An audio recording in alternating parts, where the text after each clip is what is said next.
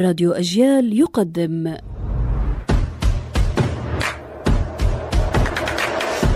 أصل الكلام عارف حجاوي تذهب إلى أقصى الشمال إلى السويد ثم إلى أقصى الجنوب إلى أستراليا.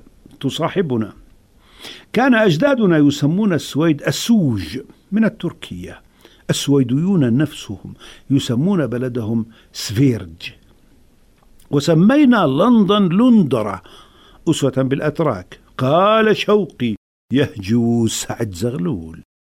يا سعد إن أنت دخلت لندرة منتصرا مظفرا كعنترة.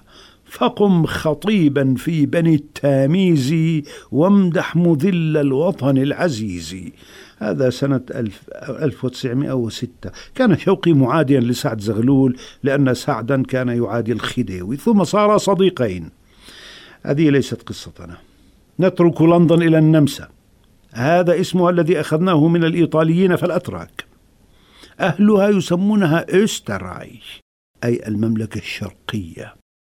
وألمانيا اسمها أخذناه من الفرنسيين سميناها باسم قبائل الألمان. وأما أهلها فلا يعرفون ألمانيا يقولون Deutschland. ونمضي جنوبا كما وعدنا إلى أستراليا. اسمها عند أهلها أستراليا أيضا وهو من اللاتينية ومعناه الجنوبي australis. ويلقبها الإنجليز بلقب عجيب. هو down under ومعناه تحت تحت.